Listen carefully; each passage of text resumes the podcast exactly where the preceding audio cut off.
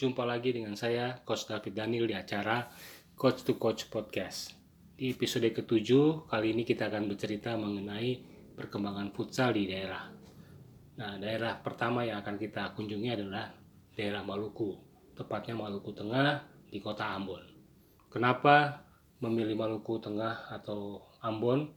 Karena eh, ini adalah sebuah respon dari pemirsa pod, Coast to Coast Podcast yang dia menceritakan tentang kegalauannya eh, dengan kondisi futsal yang ada di Maluku.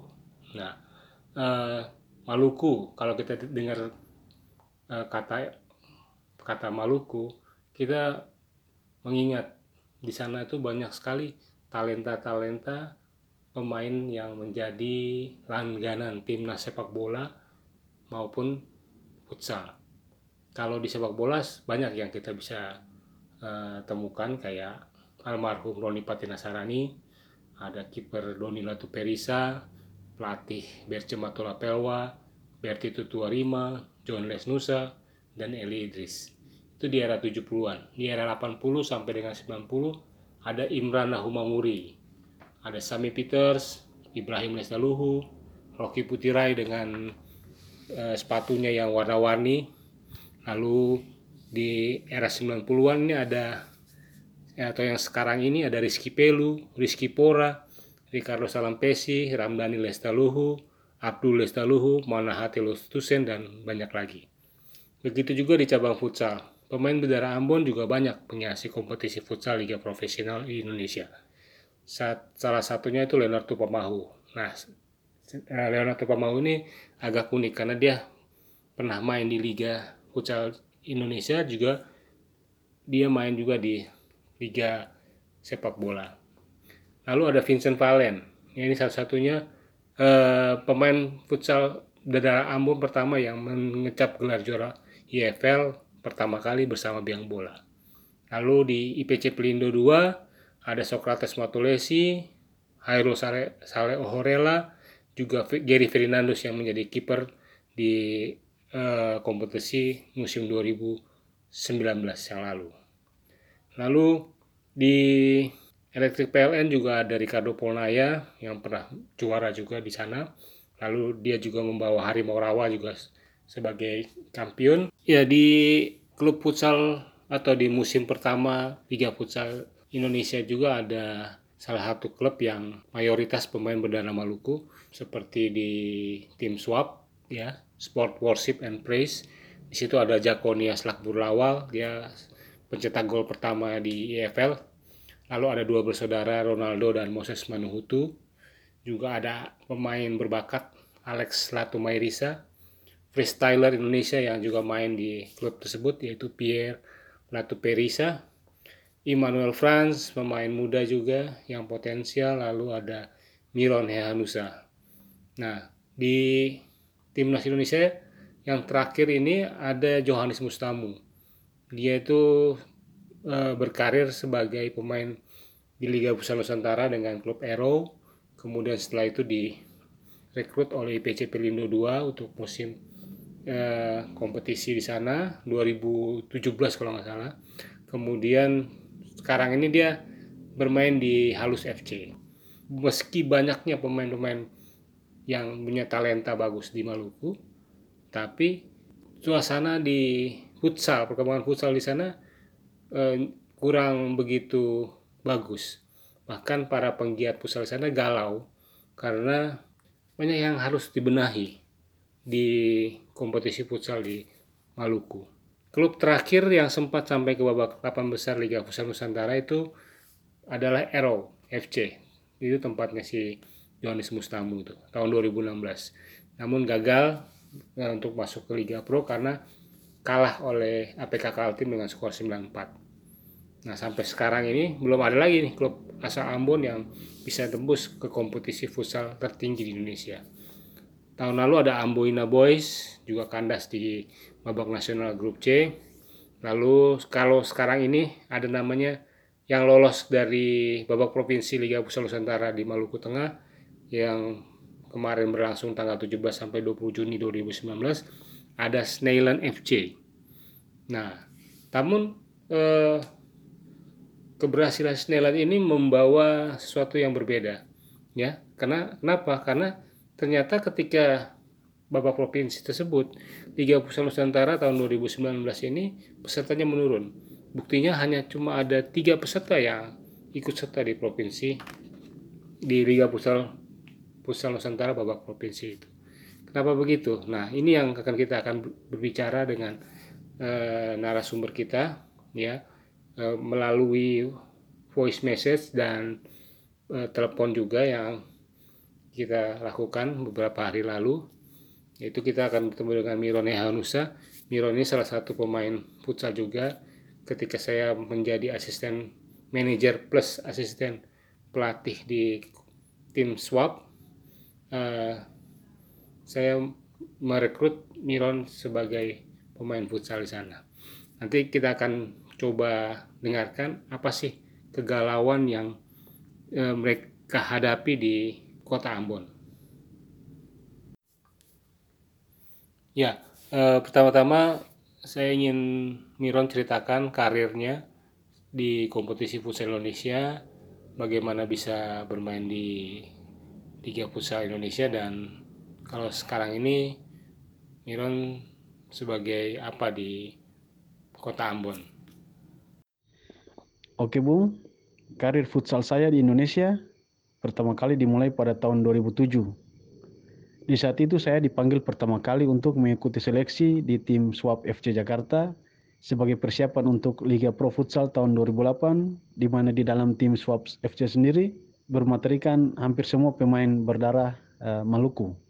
Dan puji Tuhan saya terpilih masuk untuk bermain bagi tim Swap di Liga Pro Futsal Indonesia tahun 2008 dan selanjutnya saya juga kemudian bermain bagi tim tersebut di tahun 2009, di mana tahun 2009 juga merupakan tahun terakhir bagi saya untuk ikut mengikuti event Liga Pro Futsal Indonesia karena saya setelah itu saya harus kembali ke Ambon karena uh, alasan pekerjaan. Uh, apakah benar peserta babak provinsi Liga Futsal Nasional di Maluku tahun 2019 ini hanya ada tiga tim? Menurut Mira nih apa nih alasannya kenapa sampai bisa menurun seperti itu? Permasalahan yang terjadi di Liga Futsal Nusantara Region Maluku yang hanya diikuti oleh tiga tim itu dikarenakan biaya pendaftaran yang dipatok oleh panitia dari Asosiasi Futsal Provinsi yaitu sebesar 3 juta rupiah. Di mana bagi kita orang di Ambon 3 juta rupiah merupakan sebuah nilai yang sangat besar. Mungkin bagi mereka di Jakarta atau di Papua yang taraf uh, kehidupan ekonomi sudah begitu bagus dan uh, begitu gilanya para pengusaha dalam mendanai sebuah klub, tetapi bagi kita di Ambon itu sangatlah sulit karena tidak ada dukungan bagi tim-tim sebagai sebuah sponsor dan oleh karena itu 3 juta rupiah uang pendaftaran Liga Futsal Nusantara merupakan suatu hal yang uh, mustahil uh, disanggupi oleh beberapa tim yang ada di kota Ambon. Dan alasan lain juga yaitu bonus bagi tim juara Liga Futsal Nusantara Region Maluku itu tidak pernah ada. Bahkan yang telah digulirkan dari tahun 2015 sampai sekarang itu tidak pernah ada bonus yang diberikan kepada tim juara sebagai rangsangan ataupun bantuan bagi tim tersebut untuk mengikuti babak selanjutnya yaitu babak 34 besar di mana biasanya babak 34 besar itu bergulir di kota lain, tidak di uh, tim mereka. Kira-kira seperti itu, Bung. Apa juga yang menjadi masalah paling pelik menurut Miron di futsal Maluku Tengah atau Ambon? Permasalahan pelik yang ada di perfutsalan kota Ambon yaitu tidak adanya pembinaan yang dilakukan oleh hampir semua tim di sini hanya beberapa tim yang bisa melakukan uh, pembinaan tim dimulai dari tim under sampai tim senior. Tidak adanya pembinaan itu dikarenakan hampir setiap tahun itu tidak pernah ada sebuah kalender futsal yang dikeluarkan dari Asosiasi Futsal Provinsi di sini. Sehingga yang selalu mengadakan kegiatan futsal di provinsi ini ataupun juga di kota Ambon adalah pihak swasta atau pihak ketiga dan kalender resmi event yang digulirkan oleh Asosiasi Futsal Provinsi yaitu hanyalah Liga Futsal Nusantara.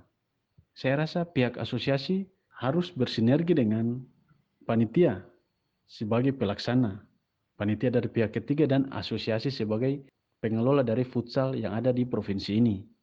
Hal itu harus dilakukan karena tidak ada dukungan real dari sponsor kepada panitia untuk menggulirkan suatu turnamen kebanyakan turnamen yang ada di kota Ambon yang dilakukan pihak ketiga itu merupakan turnamen pribadi. Bahkan yang sering mengadakan turnamen di kota Ambon ini yaitu pemilik lapangan futsal HKFC tentu yaitu Coach Oi Sianarta Wijaya.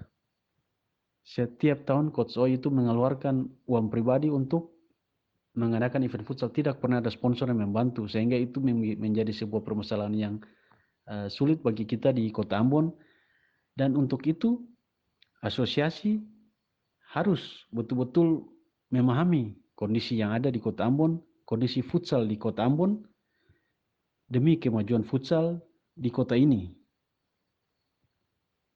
Sangat-sangat penting kita butuhkan kerjasama dan pengertian yang baik dari asosiasi selaku pengelola, di mana asosiasi, asosiasi merupakan pemilik uh, wasit sehingga di mana sebuah turnamen digulirkan harus ada wasit yang memimpin di kota ini. Dan sangat disayangkan uh, pernah terjadi di kota ini bahwa pihak wasit meminta biaya untuk memimpin sebuah pertandingan itu bernilai 500 ribu sampai 750 ribu dan itu itu betul sangat memberatkan uh, bagi panitia dan panitia tidak menyanggupi hal tersebut. Harusnya para pemangku jabatan di asosiasi futsal ini, terutama yang mewadahi wasit, harusnya mereka mengerti akan kondisi yang ada di kota ini. Sangat sulit sekali mendapat sponsor, sehingga harus saling pengertian antara kita semua untuk kondisi yang ada.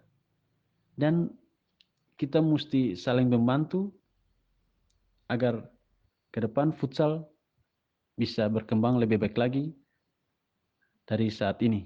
Harapan bagi pemerintah daerah atau Asprof Maluku Tengah atau AFP Maluku Tengah untuk memajukan futsal di Maluku Tengah seperti apa harapan Miron dan kawan-kawan di uh, Maluku Tengah atau di Kota Ambon? Oke, selanjutnya Bung. Saat ini di Ambon, saya sebagai salah satu penggiat futsal di kota ini juga melatih tim sekolah sepak bola futsal, uh, konvensional dan juga membantu coach futsal salah satu coach futsal di kota Ambon yang memiliki lisensi AFC bahkan di Maluku yaitu coach Oisin Artawijaya dia juga merupakan ex dari pelatih tim futsal Prapon Maluku di edisi yang lalu di saat ini coach Oisin Artawijaya benar-benar fokus dalam mengembangkan talenta muda di kota Ambon sebagai persiapan untuk persaingan ke depan dalam dunia perfutsalan di Indonesia. Dan semoga ke depan Ambon bisa lebih berbicara banyak lagi di level nasional dalam futsal Indonesia. Dan teranyar pemain hasil binaan dari Coach Oi Sinarta Wijaya adalah yang kita kenal yaitu Yohanes Mustamu yang merupakan mantan pemain dari IPC Pelindo dan juga Halus FC dan juga dia pernah terpilih masuk untuk bermain bagi timnas Indonesia timnas futsal Indonesia untuk beberapa event internasional yang digelar di tahun yang lalu. Kita dengar beberapa tahun sebelumnya di Kota Ambon ini pernah diselenggarakan sebuah event futsal yang cukup besar sampai-sampai tim seperti Black Steel Manokwari itu diundang ke event tersebut. Apa sih nama eventnya tuh? Nah, sejak kapan itu event itu diadakan? Lalu untuk ke depannya saat ini kegiatan futsal apa yang akan diadakan di Ambon atau Maluku Tengah?